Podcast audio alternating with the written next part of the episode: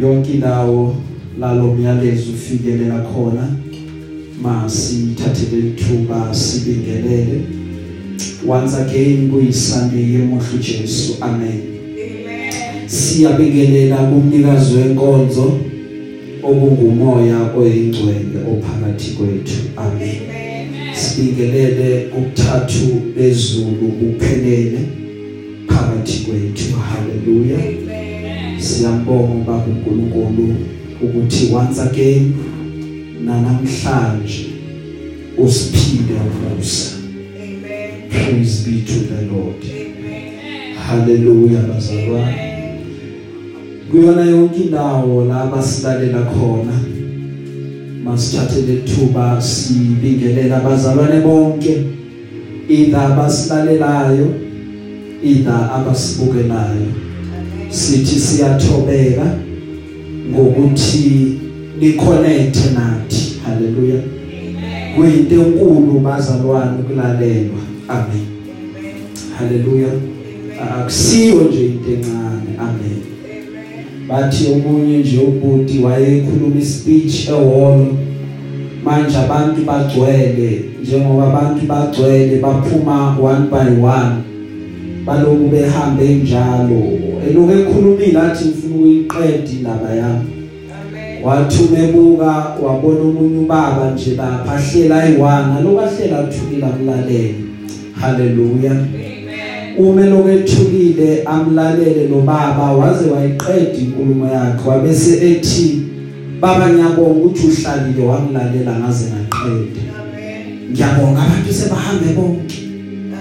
Wathi lo baba hayi ndoda akukona ukuthi bengulalela inkinga nje ukuthi yimi ophethe isikhiya sale ndawo. Bengilinda ukuba uqede haleluya amen bazalwane. Amen. That is why we appreciate ukulalelwa.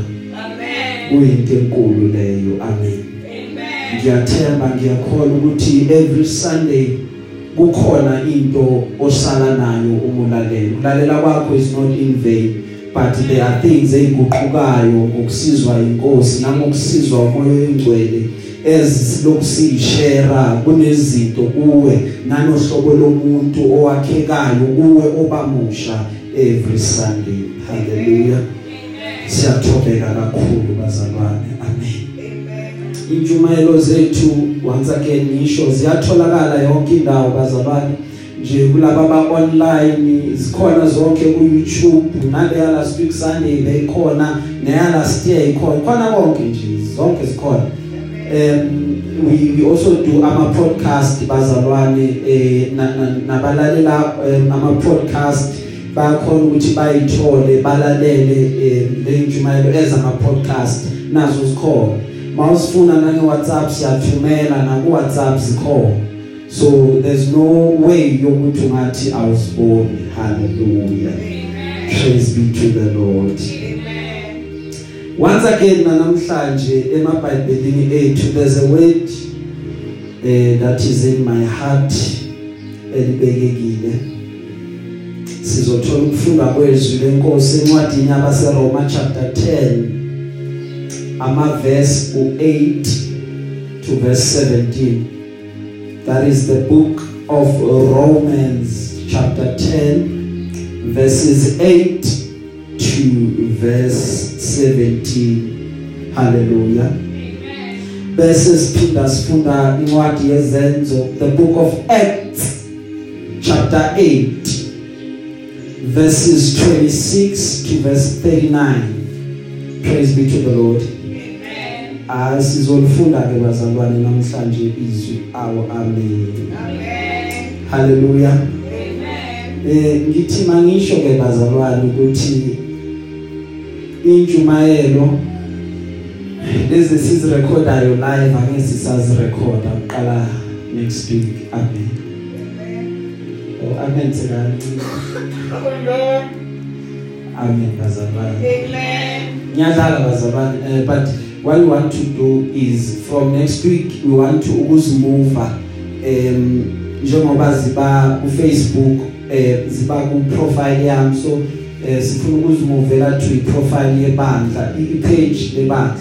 So ipage lebandla Spirit of God Center. So from next week Sunday sizoba lapho bazalwane. Amen.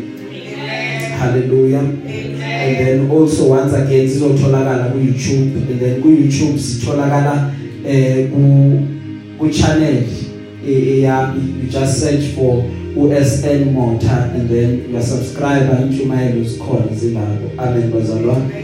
Praise the lord. Um lo lushintsha ngeke uze libonakala nje it's just ushintsho oluncane nje olucontinuous bazalwane. Amen. But ukuzenza ukuthi zibe live angiboni ukuthi sizoyeka so yeka the day inkosi ithi selingayeka ku right. Ingakasho yona sizuyeka bazalwane. Amen. Noma khambi network so zama ama plan whatever to keep moving. Hallelujah. Now isihloko sami sanamhlanje ke sithi the conviction of our faith. Hallelujah. The conviction of our faith. Praise be to the lord. Hallelujah. The conviction of our faith. Kunamagama amathathu there are three words. Hallelujah. Okokuqala the word lokuqala is belief or what you believe in. Hallelujah. Okwesibili kukhona igama elithi faith. Okwesithathu khona igama elithi conviction. Umwabuka lamagama ngesizulu acishe asho into eyodwa umwabuka ngesilungu khona lahluka khona. With that said sizovala namehlo. Sicele umama umabhena asikhulekele sayizwe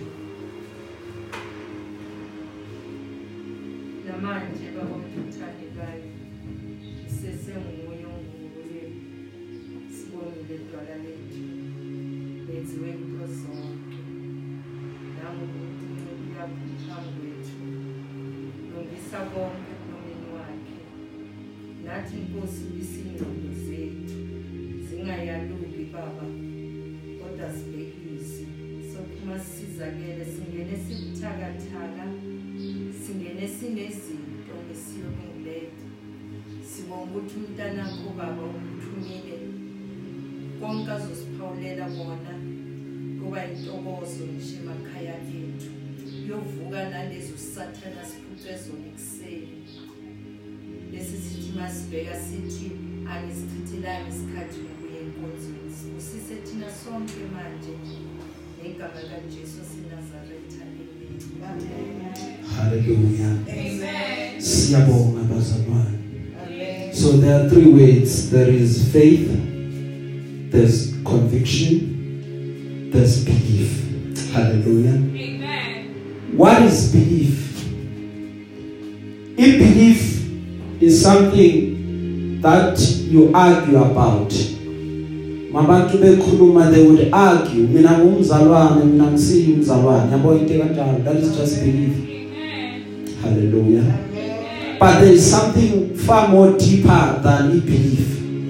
Because when you have belief um uba nalento ukuthi kunento engiyikholwayo that's where faith is introduced kuwe. Hallelujah. Uba uba nokuthi khona la ngibeke khona ifaith yami. Amen. Then what is conviction? Conviction is something that you say for this i can die. Bangaguquka abanye. Baphenduka abanye kodwa hayi mina. Yize noma sengibona laba bangishumayezile abahamba phambi kwami balimodela ivangeli bahamba bahamba baba nezinto. But what engakwamkela was not just belief it was conviction. And conviction yilo iyona le engiqhubayo to carry on yize kungasavumi. Sometimes kuye kwehle inyembezi ngikhale but ngikhala moving forward knowing ukuthi ngelinye lamalanga uNkulunkulu ngiyakubona. I am convinced there is nothing eyoguqula ingqondo yami ukuthi ibe some any other way because ngamkelekile conviction. Amen. Praise be to the lord. Amen. Amen. Isitha into esifuna ukuyenza nayo there is a message esiyamkele from enkosini. Amen bazalwane. I message it's about uJesu it's about insindisa kithi Amen. that is the message that which we have received from the Lord Amen. now okukhona na the message is pure Amen. i message ayingcolanga inalutho ayinasici Amen. What is in the message? Ngokwesilungu what is in the message is the word. Hallelujah. Amen. the word that comes from God. That is what is in the message. Angithi Amen. amen. Now the word linjalo liqinisile isitha cannot do anything with the word nanokuthi aguqule the word because njengoba liphume linjalo liyakufeza konke likuzele emhlabeni. That is the word. Now uthi okay i cannot access the word because the word is pure and perfect.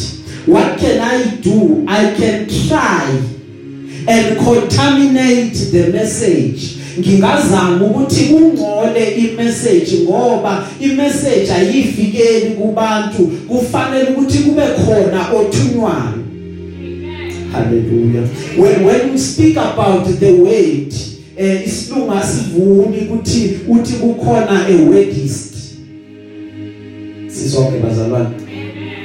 Isilungu nje eh, eh, abantu who, who are good in words kuba negama labo ababa allocatela lona bathi lo muntu lo is a wordsmith but ukuze uzoba yi wordsmith udinga ama qualification azobekwa kuwe then uzothiwa you are a wordsmith so it's not everyone oba a wordsmith Amen. Hallelujah. So the the the the the, the part of uh, wordsmith it's very complex nje. Hallelujah. Uyabona njengoba nje nawe ezinye zezinto utshela zona uyabona ukuthi vele is complicated. Nakusitha kukanjalo it's very complicated. Amen. Amen. Now what is not complicated is the message. Hallelujah. So isitha wants to contaminate the message. Ngoba kukhona lo othunywayo esimbiza ngokuthi is the messenger. So uma kutholwe the messenger then it's somehow easier ukuthi i-message igcine ingasafikanga la fanele ukuba ifike khona. Noma ifike la fanele ukuba ifike khona vele seyonakalisiwe. Praise the Lord. Sisonke bazalwane. Amen. The enemy wants to contaminate the purity of the message. That is why iningi labantu abashaywayo kushaywa labantu abaphethe imessage. Iningi labantu abahlushwayo kuhlushwa labantu abaphethe imessage. Now a, a, a question comes ukuthi uyayishintsha yini uyayiguqula yini imessage yakho noma awuyiguquli. Ingabe usamile yini uyadeclare ukuthi ngempela uJesu inkosi noma sewuguqukile because into thina esiletha la esihlanganisayo ukuthi si we are carrying the message. Elithe iBhayibheli kwababhubhayo imessage yesiphambano kubo vele ingubula kodwa kithi esisindayo ingamandla esiphambano. So uma wethu simemezela amandla esiphambano. Our message amandla of the cross. So thina kukithi kuba our message should not be contaminated. Why? Because we are under conviction. Amen. glory be to god. Amen. kunalento esibambile kunalento le esiqhubayo so that kungonakali the message that we carry. Umungabuka around you bengifunda kule viki thiwa khona babili abadumile. Bebakade bashilo bafakaza ukuthi thina singabazalwane. But kule viki bebakade bakhuluma ukuthi ningaphinde ngibize ukuthi mina ngumzalwane mina sengiyayeka yonke lento I'm renouncing my faith. Sengiphumile kuyona yonke lento and forgetting everything including ama convictions eninawo that drew me closer to God. Including ukuthi ngiyengahamba ngayobiza abantu ngathi ukuphila kungapha bazawubona bona ukuthi benza njani. Mina ngisayengeni mina ngiyekile yonke lento praise the Lord ngoba laba bebakade bahambisa imessage isitha siyakwazi ukufinyelela kubo isitha siyakwazi ukuba siyoba attacker. Lithe iBhayibheli okuyakwenzeka kuyokushaywa umalusi besizimvu ngoba idirection asanayo ziyahlakazeka. That's why you need to pray for abelusi. Need to pray for wonke umuntu owayihlukanisa wathi mina ngiyokhonza inkosi ngavuma. Ngathi ngiyoshumayela ivangeli praise the lord.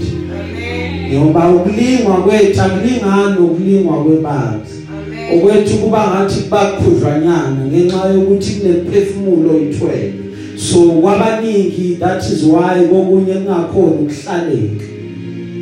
Hallelujah. We are reading the book of romans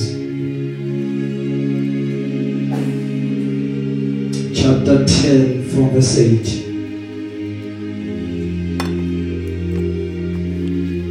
lithi izwi lenkosi in fact it says the message is very close at hand. It's on your lips and in your heart. And that message is the very message about faith that we preach if you openly declare that Jesus is Lord and believe in your heart that God raised him from the dead, you will be saved. For it is by believing in your heart that you are made right with God. And it is by openly declaring your faith that you are saved. As the scriptures tell us, anyone who trusts in him will never be disgraced. Jew and Gentile are the same in this respect. They have the same Lord who gives generously to all who call on him. For everyone who calls on the name of the Lord will be saved. But now, how can they call on him to save them unless they believe in him? And how can they believe in him if they have never heard about him? And how can they hear about him unless someone tells them? And how will anyone go and tell them without being sent? That is why the scriptures say, How beautiful are the feet of messengers who bring good news. But not everyone welcomes the good news. For Isaiah the prophet said, Lord, who has believed our message? So faith comes from hearing. That is, hearing the good news about Christ. Hallelujah. Amen. Mfuna sifunde ncwadi ye- yezenzo. Uh, the book of Acts chapter 8 from verse 26 and then siyoma evesini ka 39 praise the lord Amen. As for Philip, an angel of the Lord said to him, Go south down the desert road that runs from Jerusalem to Gaza. So he started out and he met the treasurer of Ethiopia, a eunuch of great authority under the Kandake, the queen of Ethiopia. The eunuch had gone to Jerusalem to worship and he was now returning. Seated in his carriage, he was reading aloud from the book of the prophet Isaiah. The Holy Spirit said to Philip, Go over and walk along beside the carriage. Philip ran over and heard the man reading from the prophet Isaiah. Philip then asked, Do you understand what you are reading? The man replied, How can I, unless someone instructs me? And he urged Philip to come up into the carriage and sit with them. The passage of the scripture he had been reading was this He was led like a sheep to the slaughter, and as a lamb being silent before the shearers. He did not open his mouth. He was humiliated and received no justice. Who can speak of his descendants? For his life was taken from the earth. The Enoch asked Philip, Tell me, was the prophet talking about himself or someone else? So, beginning with this same scripture, Philip told him the good news about Jesus. And they rode along. They came to some water, and the Enoch said, Look, there's some water. Why can't I be baptized? He ordered the carriage to stop, and they went down into the water, and Philip baptized him. When they came up out of the water, the Spirit of the Lord snatched Philip away. The Enoch never saw him again, but went on his way rejoicing. Praise the Lord. Engithanda ukuba sibuke namhlanje ngaphambi kokuba sikhuleke ukuthi sithunyiwe thina engithanda ukuba sibuke nawo nguwena olalelayo. Praise the lord. Nguwena owamkela this word. Nguwena owamkela ini imessage. Hallelujah. So that the message uma ifika kuwe ihlale kahle. Praise the lord. Hlale kuwe qedi yakhula. Bese iyazinza hallelujah la sifunda khona uthi uPaul umebhala umlayezo is not far kodwa umlayezo the message iseduze.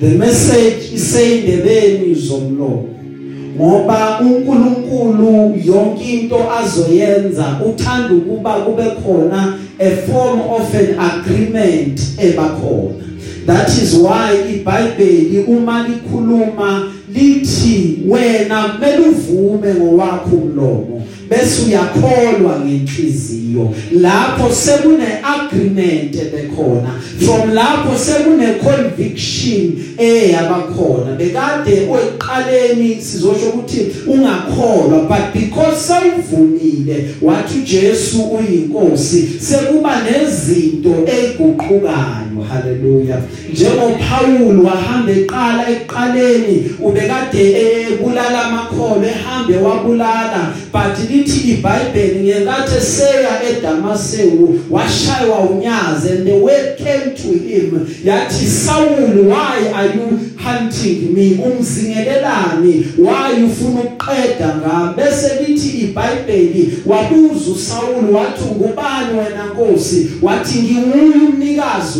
webandla lo wena ofuna ukuqeda ngayo wathi hamba kunendoda oyofika kuyo bese yakukhulekela bese amehlakhe ayavuleka. Uma amehlakhe asevulekile lithi iBhayibheli waqala wahambisa indaba ezinhle. Bathi abantu yena lo bekade bulala amakholwa. Bathi yes usengomunye wethu. Why? Because sekune conversion esiyenzekile. That is why simuzwa noma ekhuluma uthi mina ngisiboshwa sika Kristu la ngibonakala khona ngifaka amaketanga ngiboshiwe. Kodwa lo size engidlula kulo lungo lwesikhashana lungo lomzuzwana noma ngishaywa kangakanani because I am convinced ukuthi there is nothing greater than uKristu.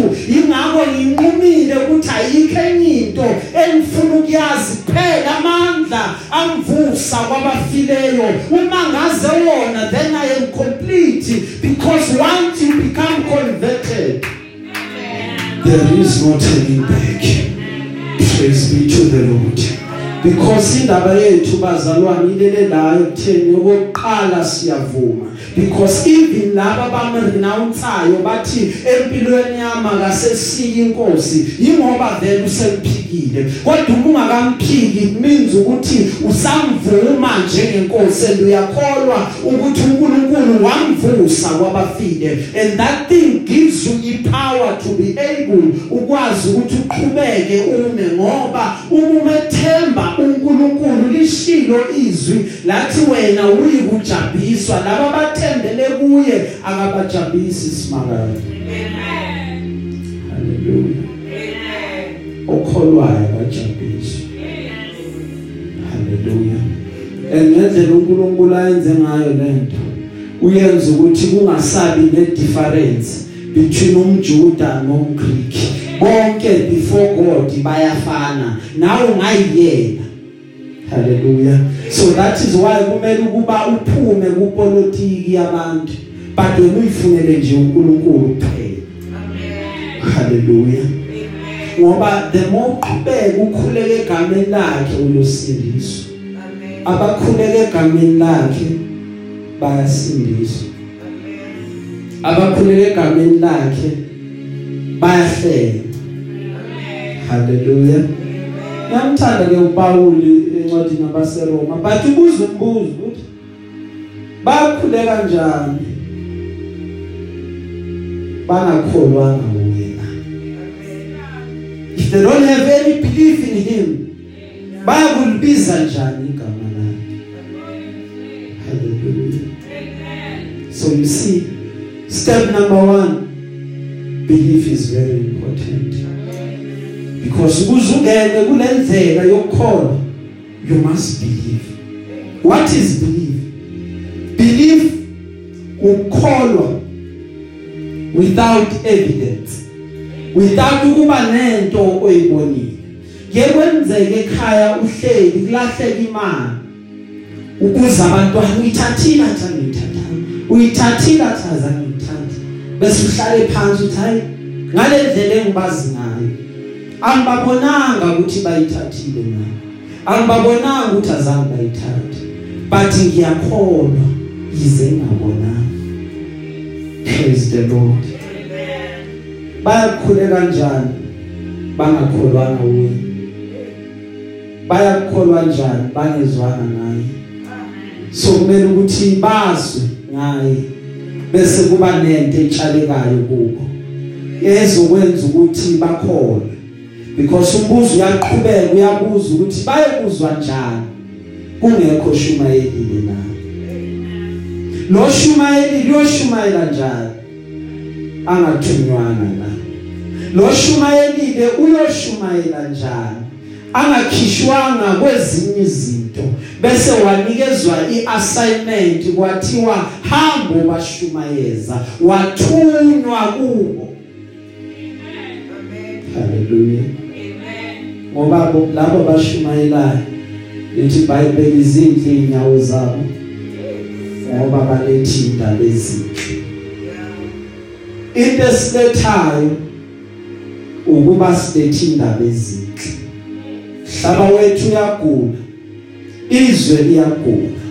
Abantu badlule imene eziningi ezibhlungu ebakhalisayo abantu balahlekelwe ithemba they need good news so sizele lokhu kuba sizoletha the good news. Before uNkulunkulu avala iTestament elidala uthi esigodini saseAkhori ngiyovula umnyango wethemba. Leso sigodi eqaleni bekade siqalekisiwe ngoba uAkhan wathatha izinto eziqalekisiwe bese bamkhanda ngamatshe kuleyo ndawo yabizwa ngokuthi le ndawo iqalekisiwe. But God says kuleyo ndawo ngiyovula umnyango wethemba. Nathi size la ukuzovula umnyango wethemba ukuthi themba lisesekhona impilo isazoba ngcono umele ukuqhubeke. Even though ungabona ngathi kumnyama even though ungabona ngathi kunezinto ezikushayayo namhlanje but size la sizomemezela ithemba ukuthi ithemba likhona akakapheli ngawe ngoba uJehova engakasho ukuthi kuphelile kubiza nje ukuthi ulalele ivangeli. Ngoba noma selishunyayeliwe a- abalilaleli bonke. Haleluya. That's why umprofeti abuza ukuthi ubani owakholwa imessage yethu? Because amandla sekutheni sikholwe imessage. Haleluya. Ngoba ukukholwa kuvela ngokuzwa. Ukuzwa kuvela ngezwi la kaKristu glory be to God. Haleluya. Ngifuna sibuke incwadi yesenzo yezenzo. Haleluya incwadi yezenzo from verse 26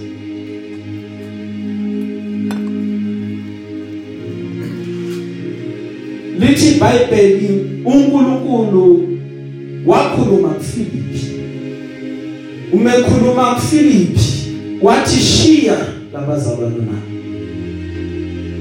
qede bese uyahamba uye ngathi uya eSouth. Haleluya lapho kunomuntu engifuna uyombona. Lithi iBhayibheli le ndoda yayikade ingumthelo iqhamuka ezweni lase-Ethiopia. Yayikade le ndoda iyisikhulu ezweni lase-Ethiopia. Praise the lord. Yathatha uhambo yangena kupilgrimage yalibangisa eJerusalem. Yathi eJerusalem yindawo la kukhonzwa khona uNkulunkulu. Ithi incwadi yamahubo mangize ngingakulibali weJerusalem. Haleluya. Ngoba iJerusalema iyindlu kaNkuluNkulu. Kulawo khona benkosi kuhlala khona. Azathi ohlabelelayo iJerusalema ingumuzi okhanyayo. Yasuka le ndoda yaye eJerusalema kodwa inenkinga eyodwa. Lithi iBhayibheli bekade ingumthelo. Glory to God. But yafuna ukuyodumisa. Ingumthelo. Yathi ngiyani yini umthelo? Umthelwa umuntu othi ekhula ephila bese linyazwa. Ulinyazwa kwisitho sakhe sangasese. So that angazoqhubeka azana so uMose ubhala indaba ukuthi olimele makangangeni endlini kaNkulunkulu. Umthenwa wezwa into kuye ngaphakathi ethi hamba uyodumisa. Yize kunje angithi uPaul useshilo. Wathi kuye akunamjuda akunamgriki noma usulinyaziwe kodwa uyadinga ukuthi uze uzomkhonza uzomdumisa. Yavuka le ndoda yabophela inqola yayo yashona khona eJerusalem. Lithi iBhayibheli yayikade iphethe ingcebo yonke kaKhadaki who was the queen of Ethiopia at that time. Why le ndoda kwakumele ukuba ithenwe yingoba bebangafuni ukuba kube sekuba khona umonakalo owenzakalayo esigodlweni ubangelwe yile ndoda. Glory to god. Ngoba uma singatheniwe we are able to do a far greater damage. Haleluya ukuthatha ifoni yakho uyibuka. Kunama message angakwazi ukungena kuwe ukuthi wafunde because kaye kuthiwe the message is corrupt. Glory to god. So konakaliswa imessage you have no access to the message.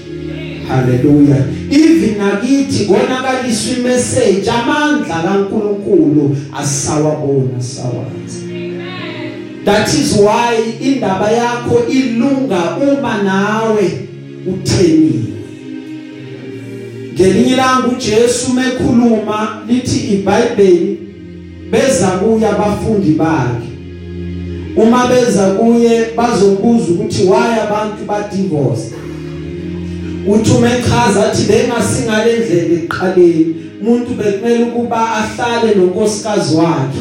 Then babuyisane except for if kukhona phakathi kwabo ewaphinga uma engekho then that thing could be resolved futhi impilo iqhubeke. But ngenxa yokulukhuni benhliziyo that's why uMose wathi kulungile abantu ba divorce bese athi ke but ebefane kuba kwenzeke ukuba uma sebadivorcile ukuhamba kwesikhathi abuyisane nonkosikazi wakhe. Hayi lesenzeka kulezi insuku. Ba divorce lo bashade lo. Divorce lo shado umuntu continuation. That was not the plan initially. Then babuze bathi akusingcono yini ukuthi uma umuntu ekhona angashadi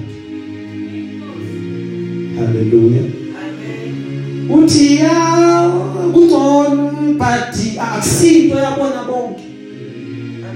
Because you have to ukuthi uyibambe le ukuthi akusiyona into yabona bonke. Kunabantu uNkulunkulu abavumelayo ukuthi babe abathenwa bahlale basingile for the rest of their lives. Hallelujah. Amen. Because thina sinjani ukudalwa kwethu siyawuthanda umshado. amen that is why ibekelwe abantu abathile. Ngoba bathatha bathe amen. Amen oqala umezalwa uzalwe njalo. From ezaliwe azayoshona kayishaya ekudala uNkulunkulu enjani? Haleluya amen. Kube khona wesibili lithi iBhayibheli lona ngenxa yombuso kaNkulunkulu uyanquma ukuthi mangithene mina ukuze umsebenzi wenkosi ungalimali. Amen glory to god. Haleluya amen. Bese kuba khona ofana nale ndoda esifunde ngayo. Glory to god. Amen. Elithi iBhayibheli uma silifunda le ndoda yayikade injani kanti yona? Le ndoda iwumthelo umthelwa wesithathu olinyazwa abantu. So kule mpilo esiphilayo it does happen ukuthi ulinyazwe abantu bese you come to a decision ukuthi mina ngizohlala ngumthelo amen. Haleluya nale ndoda ewumthelo yayikade linyazwe ngabantu ngoba kunengcebe bekade ifanele ukuba iphathe but wadlula kuloko wakuoverlooka lokho wathi ngifuna ukuyodumisa. Haleluya ngifuna ukutholakala endlini kaSimakade. Ngidumisa anginankinga mina. Bangangena bona babe phakathi badumise. Mina ngenxa yesimo sami ngizoma la ngaphandle. Ngithi lukufanele udumo. Phakama uNkulunkulu wethu. Ngiyakuthanda wena Jehova oyinkosi kimi. Bese lithi iBhayibheli walalela lo muntu bedumisa bafunda nencwadi kaIsaya. Wathi okay ngizwile bafunda uIsaya engiyophuma nako yilo babe bakade bakufunda la. Amen. Praise the lord. Amen. Waphuma nako wagibela enqoleni yakhe. Lithi iBhayibheli uma ehamba ulokuyafunda. Oh wayefana nemvu wayebagu anga understand ukuthi uIsaiah ufunda ngobani ngoba incwadi kaIsaiah was one of the primary scriptures that they read. Angithi uyakhumbula noJesu afike etempelini lithi iBhayibheli bamnikeza incwadi kaIsaiah wayithatha wathi umeyifunda wathi umoya wenkosi phezulu kwami ungcobile ukuba ngishumayela ivangeli badayi na kanjani kuye lo? Amen. Glory be to God. Hallelujah. Now aka understand ukuthi uIsaiah ukhuluma ngaye noma ukhuluma ngomunye umuntu na? Bese lithi iBhayibheli during that confusion uNkulunkulu wathuma uPhilip the greatest one of the greatest evangelists ukuthi hamba Philip uyovangela nangu umuntu uhambo uhambo lude elifunela nje uNkulunkulu ngoba uNkulunkulu bonke abeza kuye uyabavuza njengokucela kwe inhliziyo zabo amen. Praise the lord. The Hallelujah. the the the, the distinguishing factor yokuhlukanisa kubantu abaningi ukuba wena ukuyeke konke okunye uyifunele nje uNkulunkulu kuphela. And for that God will reward you ngoba uNkulunkulu uyaba rewarda bonke abasukile bathi siyoyifunela uNkulunkulu. Uma sesondela uPhilip kuye.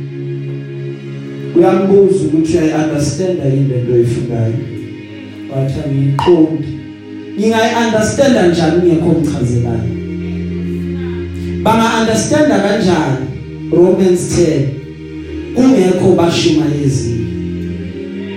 Bashumayela njani? Bengathunyiwe praise the lord. Lithi bible from lapho waqala wamlandisa ngoJesu using that scripture. Ukuthi lemvane ekukhulunywa ngayo ukuthi yayikade ithulile phambi kwabaguli bayo uKristu. Yilo walenga emnqamlezweni. Wathi oh niya understand because bekade nginga understand sengine clarity senginayo lithi iBhayibheli uma inqola iqhubeka ihamba. Baze badlula endaweni okungamanzi wathi yini into esasele? Nanka amanzi mangibhabhadisa wathi uPhilip kuzokwenzeka uma ukholwa nje because indaba yethu inaye ekholweni praise the lord. Kuzokwenzeka uma ukholwa wathi ngiyakholwa kuJesu oyinkosi. Wangena emanzini wabhabhadiswa bese babhadisiwe lithi iBhayibheli uNkulunkulu wafika wathatha uFilipi yahamba le ndoda ithokoza because inkonzo seyifezekile. Glory be to God. Kukithi bazalwane ukuba sivume ukuba sithembe masikhathi kunezinto eziyolimala uma singatheniwe ngokomoya. Bele ukuthi empilweni yethu yokukholwa kube namabriki that we apply. Khona impilo zethu ziyofaneleka. That's why uJob umekhuluma encwadini yakhe uthi ngenza isivumelwano namehlo ami ukuba ngabuko wesifazana bese ngiyamkhanuka. Ngoba indaba ilele la ilihlweni ukuthi mawubuka ubona ini? Ngoba ihlo liyisibani somzimba. Uma amehlo wakho amahle umzimba wakho wonke uyohlala ekhanyeni Amen. praise be to the lord. Hallelujah. kulele kutheni what do you see? Yini into ivulelela amehlo akho ukuthi lokhu kulungile? Kufanele ukuba ku- amehlo amakubona glory be to god. Amen. for the word of god li abundant ligcwele liningi izwi lenkosi. Nanamhlanje uma ulizwa umayiqinisa inhliziyo yakho. Ungayenzi ukuba ibe likhulu inhliziyo yakho. Dinga ukuba izwi mase ulizwile ulamkele uqede ulivumele lisebenze kuwe bese nawe uyalisebenzisa. Amen. manje ezwa yobonakala uma siphila. Lento haleluya. Uma bebuka wonke umhlaba bathabeka abafana nalabo bantu ngoba bayayirepresent inkosi yabo noma ngabe kunjani. Conviction. Haleluya Amen. uma sewubona ngathi uyaduka akubuyisa Amen. kufanele ukwenze lokho wena umntwana wahlawulelwa wena Amen. glory be to god Hallelujah. siyakholwa Yeah. kholwa kwethu sikholwa ngenye indlela Amen. ngoba sizame sambona thina uJesu but siyakholwa kuye haleluya kunendoda eBhayibhelini lithi iBhayibheli yezwa ukuthi uvukile. Yathi njengoba nithi uvukile ngiyafuna ukukholwa. Kodwa mina ngingakaboni izandla nga- ngazibona ipikiri zingene so ngifuna ukubona izandla zineyimbobo ngiyokholwa ukuthi mhlambe lo yi-twins lakhe lo enithi uvukile ngifuna ukuyibonela yena mathuba. Gama lakhe uThomas. Lithi iBhayibheli uJesu bekade ngeke kepha ngenxa yesicelo uJesu wathi I'll honor that request. Weza uJesu wabathola bekhona behlanganyela wangena iminyango ivaliwe. Wathi Thomas nangimi wathuka uThomas wathi inkosi wathi sondela Thomas sondela baba faka isandla nanka amanxeba. Wathi ha Jesu vele. And uJesu bekade engekho. Wasifaka isandla wayinekisa yena waze wadela. Uma sekayinekisile uthi kuyo Jesu uyakholwa manje ngoba sewubonile. Amen. babusisiwa bakholwa bengabonanga. Hallelujah. glory be to God. Amen. ubusisiwe mawukholwa ungabonanga. Because into ezogcina kulezi insuku esiphila kuzo ukukholwe ungabonanga ngenxa yempilo ngendlela seyidynamic ngakhona kunezinto efanele ukuthi lokhu nalokhu angikwamukeli nake ngikwamukelayo ngoba lokhu kuyizivumo sami sokholwa. Ngiyoma kuko ngiyakholwa ngingakaboni. Ngiyoze ngibone sekwenzeka. Because yonke into that is written eBhayibhelini ibhalwe kuba thina sithi uma sesiyamkele sesisalidlizwi bese siyakholwa ukuthi ngempela uJesu khona Amen. glory be to God Hallelujah. uma sesikholile bese siyonikeza ukuphila kuye Amen. ngoba ukwazi ukuthola ukuphila kuye ungakholwa Amen. glory be to God Hallelujah. angifuni mina ufane nalabo bantu uJesu athume bachaza athi laba bantu bangidumisa ngeindebe zomlomo but inhliziyo zabo zikude kunami. Your first point yendumisa kube inhliziyo mfuna uNkulunkulu ngenhliziyo yakhe epheleleyo. Haleluya uma umfuna ngenhliziyo epheleleyo awuyi even nangeweda awuyi even nangokuthi ubani uthi mina ngini namhlanje inkonzo uyaya wena? Amen.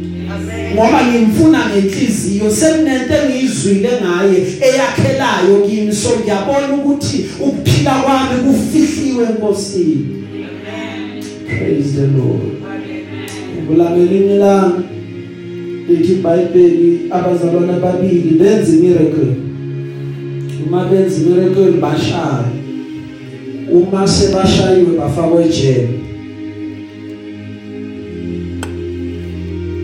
Uma basejele lithi iBhayibheli umzimba wawukade ubuhlungu bezwa ukuqaqamba komzimba bezwa ukuqaqamba kwamathambo Now isimo sabo senza ukuba bangakwazi ukulala. Hallelujah. Because basejele lapha khona. And ngapha bayapayine. Amen. Ngoba isimo sakho mase yawo mase zikunetha kahle. Zikhona lezi ezifika kwezenza ukuba ungakwazi ukulala. Amen. Hallelujah. Amen. Uthi ngithi ngiyalala sola bedlu ukuthonga. Ngibathe ngiyaphenduka ngibheka leso ukuthonga kufike. Hallelujah. Ngoba lento lokhu ibuya njalo ihlala la enqondweni yakhe lokhu kuba isithombe kudlala ifilimu. Lokhu uyibukile. Simo sakho. Hallelujah. Now labazalwane uma bengakwazi ukulala lithi iBhayibheli bathi iyodwa into esiyaziyo ngoba izimo zakho kumele ukuba ziphushele ekutheni udumise inkosi. Bathi kulesi sikhathi isikhathi sokuba sidumise. Lithi iBhayibheli umgcini iboshwa wayekade ehleli lapha ebagadile ngoba wa instruct ukuthi abagcina impela. That is why wabathatha wabafaka ejele liphakathi naphakathi. Lithi iBhayibheli baqala badumisa uNkulunkulu. Basemapainini bona but badumisa bathi ipain ayizuqeda ukuthi yena uyinkosi. Ipain ayizuqeda ukuthi lumfanele udumo. Lithi iBhayibheli lo umgcini boshwa walala. Bese bona bengalele badumisa babiza uThixo ngoba njalo uma simbiza noma sidlula ezimene ezinjani yena uyezwa ngoba indlebe yakhe ayifinyeziwe ukuba ingezwa isandla sakhe asifinyeziwe ukuba singasindisi. Lithi iBhayibheli bezwa. Amen. iboshwa zabezwa. Uma iboshwa zibezwa. Lithi iBhayibheli ugcina iboshwa wanala baqhubeka badumisa. Kwathi phakathi nobusuku la kumnyama khona kakhulu la sekuzoqala kubreak e4 dawn uqala. Kwezwakala into engavamisile. Abanye kudala baboshwa kule jele ungakhohlwa lithi iBhayibheli kwanyakaza isekelo zejele. Ngoba indumiso yakho mayifika enkosini khona la inyakazisa khona that is why sitha singathandi ukuba sidumise because siya understand ukuthi indumiso yethu iyayinyakazisa isekelo zeinkinga zethu. Thina simdumisa noma kunameva ngoba into esesiyifundile ukuba simdlala indumiso yethu phezulu kwalameva khona inkosi izokhonzeka kahle. Ameva wayinqamula indumiso kodwa ameva aba ifuel that we add so that sizoqhubeka sithi bayede kuwe. Baze babuza abantu nimdumisa kanjani? Nidlula kulezimo endlula kuzo. Isima simguqula umile yena anguNkulunkulu engushilo wathi noma ngena kuphi uyobangene nami so angikwazi ukuthi ngimlaqaze ngenxa yenkinga yesikhashana. Ngimele ukuba ngimdumise. Nazo lezi zinto zizofunda zingaphinde zibuye because mina zizuguqula indumise engiyikhiphayo noma ngangidlula kuphi. Amen.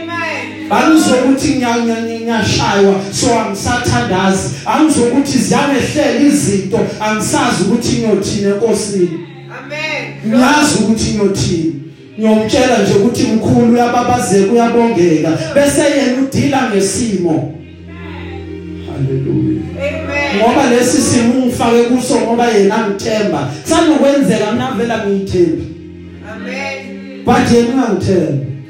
that's why angifakile. So uma yena ngithembile kumenza ngizondlula Amen. akunayo indlela mina ngizondlula uthi angiboni ukuyodlula mara mina ngizondlula umthembile yena Amen. haleluya Glory. lithi ke iBhayibheli kwanyakaza isekelo zetilongo uma kunyakaza isekelo zetilongo basemaketangini Amen. uPaul benosini wanqamuka amaketanga ngoba umusumdumise kahle amaketanga akhe ayaqhamuka kunezinto ezisibambayo zisibambe iminyaka Yeah. into yokuzinqamula ukuthi sidumise kanjani enkosini Amen. yize zikhona sambizo ngabonwayo sizobona amaketanga eqala enqamuka wena phansi lithi iBhayibheli kwanqamuka amaketange kwavuleka iminyango yejele wavuka umgcini boshwa Amen. wathi ababalekile Oh, Christian. Wathatha inkemba wafuna ukuyibulala Ah.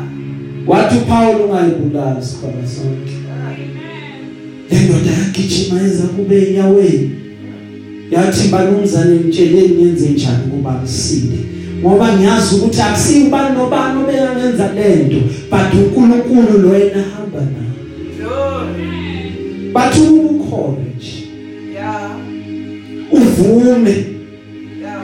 ukuthi uJesu uyinkosi Amen. wena uyosinda nomzi wakho Yeah. yathi le ndoda ngiyakhona Yeah. yasinda indoda praise be to the Lord Amen. sungahlukani nokukholwa kwakho kukhulu Glory.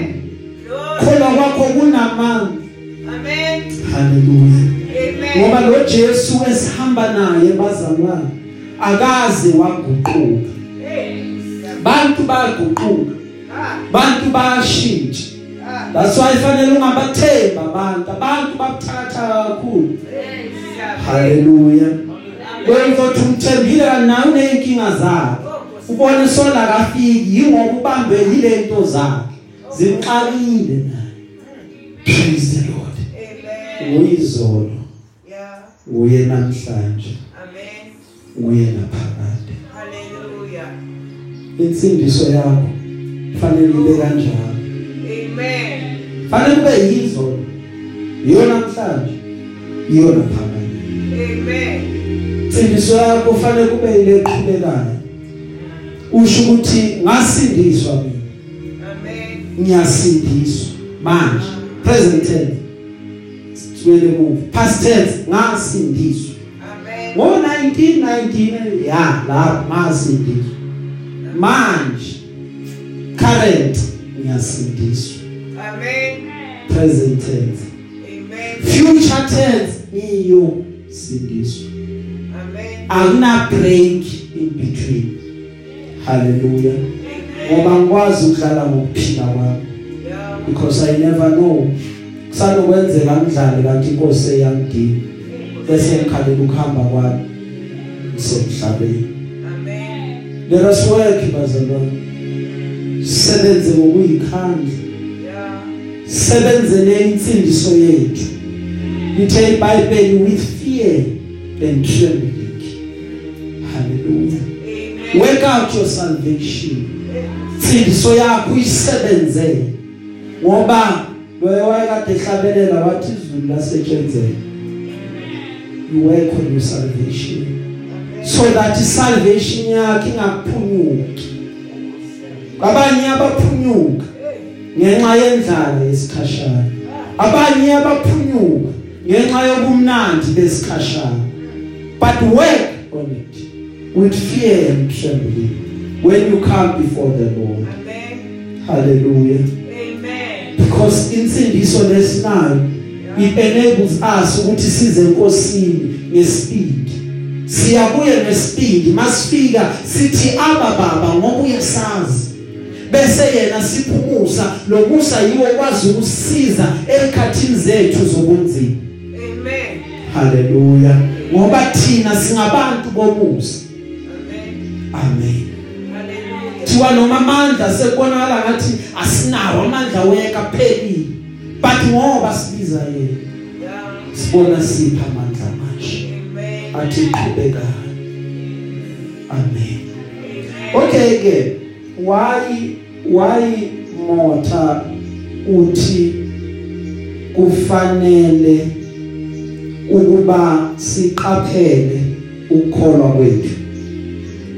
Why should we always sibe mindful of our convictions then bese siyawalandela wokukholwa amen bazalwane. Amen. yingoba angifuni mina encwadini kaLuke 15 iBhayibheli ikhuluma into ezintathu ezilahlekile eyokuqala yimvu. Haleluya. Amen. eyesibili indodana now imvu zaphuma kahle zi100 uma zile emasimini day 1 yathatha idetour yalahleka. Uma sekufikwe ekhaya seyibalwa kubona okhona oshodayo ulahlekile. Ziyabekwa lezo uyahamba uyofunwa lo uyatholwa uyabuyiswa. Amen. Amen. ulahleke ngaphandle. Haleluya Hallelujah. uma setholiwe indodana ithatha imfuyo yayo yaphuma ekhaya. Baba mniki baba uyayinika yahamba ngokubonakala. Yalahleka indodana ekhaya ayaziwa yipi waphuma eshonele aqhubha imfuyo. Uyabuya indodana yayibuyisela futhi ayilaphi uma seyibuya waphuma eqhubha izimvu kuya uhamba yedwa. Amen. haleluya but kukhona lokho kwesithathu engafuni ufane nabo. Lithi iBhayibheli inhlamvu yesiliva the silver coin. Iphakathi endlini umniniyo uwaphetha amacoin akhe ilahleka phakathi. Uyiphethe 10 rand yamacoin uyisale A1 ingena ngaphansi kwezinto wayengafuni ufane naye kubhlungu ukulahleka wayemsendlini indodana ngiyayibona yahamba. Imvu yalahleka ngaphandle but icoin ilahleka phakathi. Ijwayeli program la enkonzweni senza ngalendlela Yeah. iyazi yonke into but idukile ngoba ngoba kuyenzeka ukhonze for many years ungazali noNkulunkulu kuyenzeka Amen. haleluya Amen. eh nami nami ngakwenza ngakhonza every njalo ngama Sunday ngiye Amen. mara ngazali naye Amen. haleluya Amen. Until kwaze kwenzeka iconversion kimi kula sengithi oh sengiyazana naye kula sengibona ukuthi ukulunga kwami kufana namanyikiniki mawaye enkosini Yeah. but ngidinga ukulunga okuqhamuka kuye Yeah. so i don't want ukuthi ube lost kanti uphakathi Yes. because iningi lalaba abalahleke baphakathi isitha siyabasebenzisa Oh, Jehovah. but laba babambelele kuma convictions abo okukholwa ngokweqiniso kuze kube manje isitha sinandawo because they know how to resist the devil usathane kade wabashiya Amen.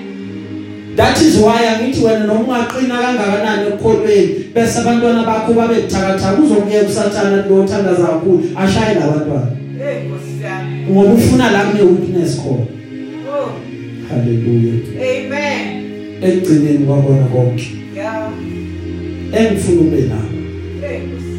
Engithanda ukuba kwenzeke sesiyagcina Glory. nako lankamazwa shiwo Paul Yeah. uthi Paul ngikulwile kulokuhle Yeah. ngiqedile ibanga Yes. ngigcinile ukukhona ngikulwile kulokuhle Yeah. qedile ibanga Yeah. ngigcinile ukukhona Jesus. ekuphileni kwempilo yakho ekupheleni kwayo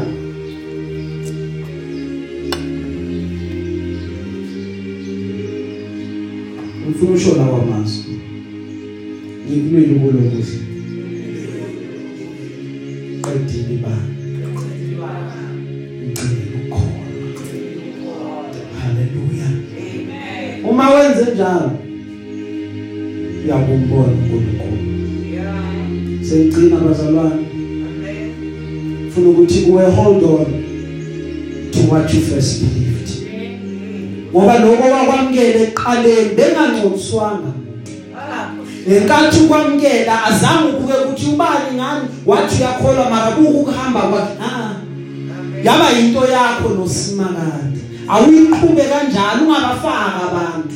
Balungile bona okwabo awazi ukubona bavuma Hey, Kosiyami. praise the lord. Ngoba wena awungene endabeni kamuntu noNkulunkulu nama ngingene haleluya Amen. kunomuntu ongamazi ukuthi uyakholwa kholwa jike endleleni angasakholwa inini bese unomuntu ugula kabi ugulela ukuhamba kuye kuye uzokuhambile vele Oh, Jehovah. bese ubanalo abantu babanalo mbuzo uhambe yini sakholwa yini njalo njalo. Ah, awungeni lapho Amen. ngoba ngithi uyakhumbula nesoni lapha esiphambanweni saxolelwa 5 to ukufa wathi uJesu namhlanje uzoba nawe eparadise. So wazi ngani kulo muntu uthini utheni ngenkosi yakho ungekho wena Yeah.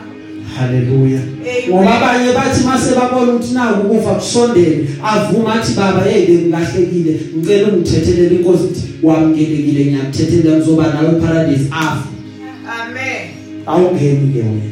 Hallelujah. wena kwakho kuba uhambe kahle. Amen.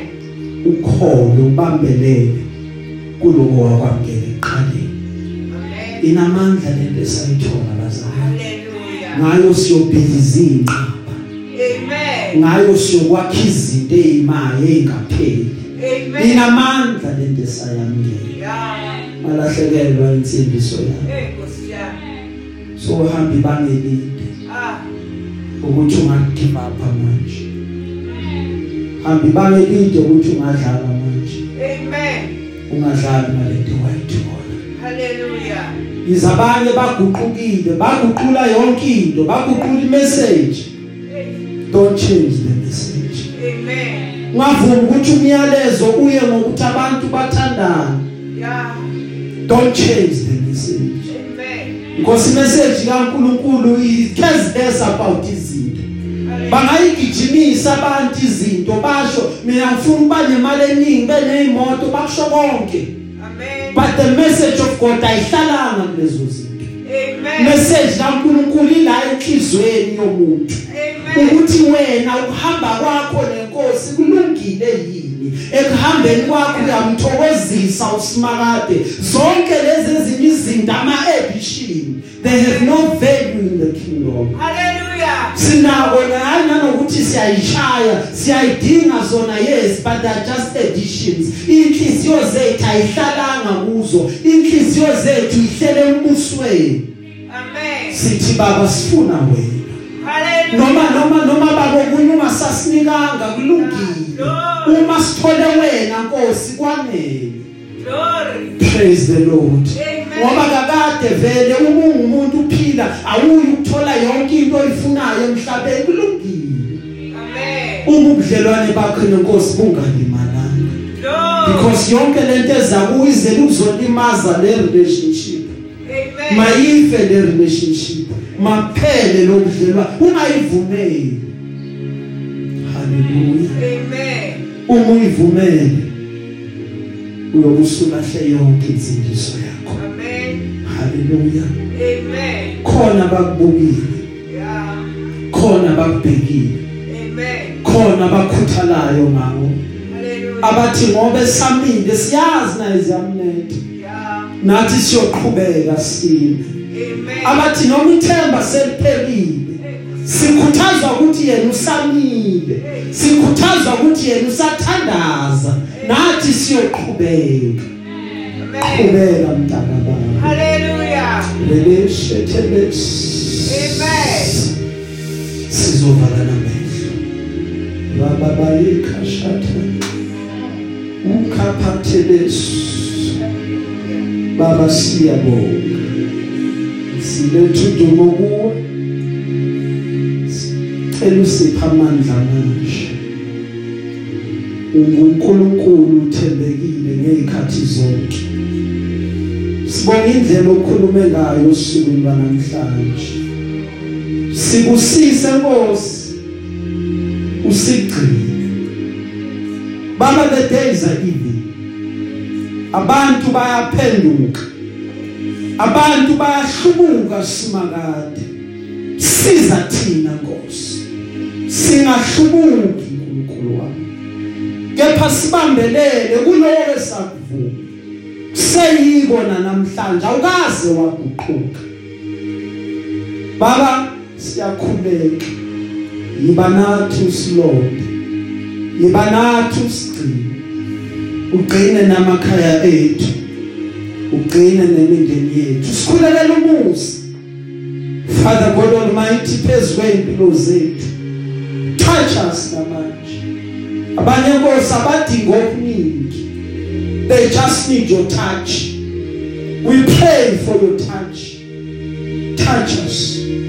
Usiphilise ekuguleni kwethu siphilise Nkosi ebuthakathakeni bethu. Usipha amandla amasha baba sikhulekela ukwazi ukuqhubeka. Yize Nkosi sibona ukuthi akusahambeki ngegama lika Jesu waseNazaretha senzele kahle. uNkulunkulu wami njengale yanceko elithi iBhayibheli yahamba endleleni yayo ithokoza. Nathi sifuna ukuhamba sithokoza ngoba sesizwele kukhona bakho siyabonga Nkosi. Siyakholwa kuwe. Uyinkosi wena. Uyabusa manje kuze kube phakade. Bandla lonke lithi amen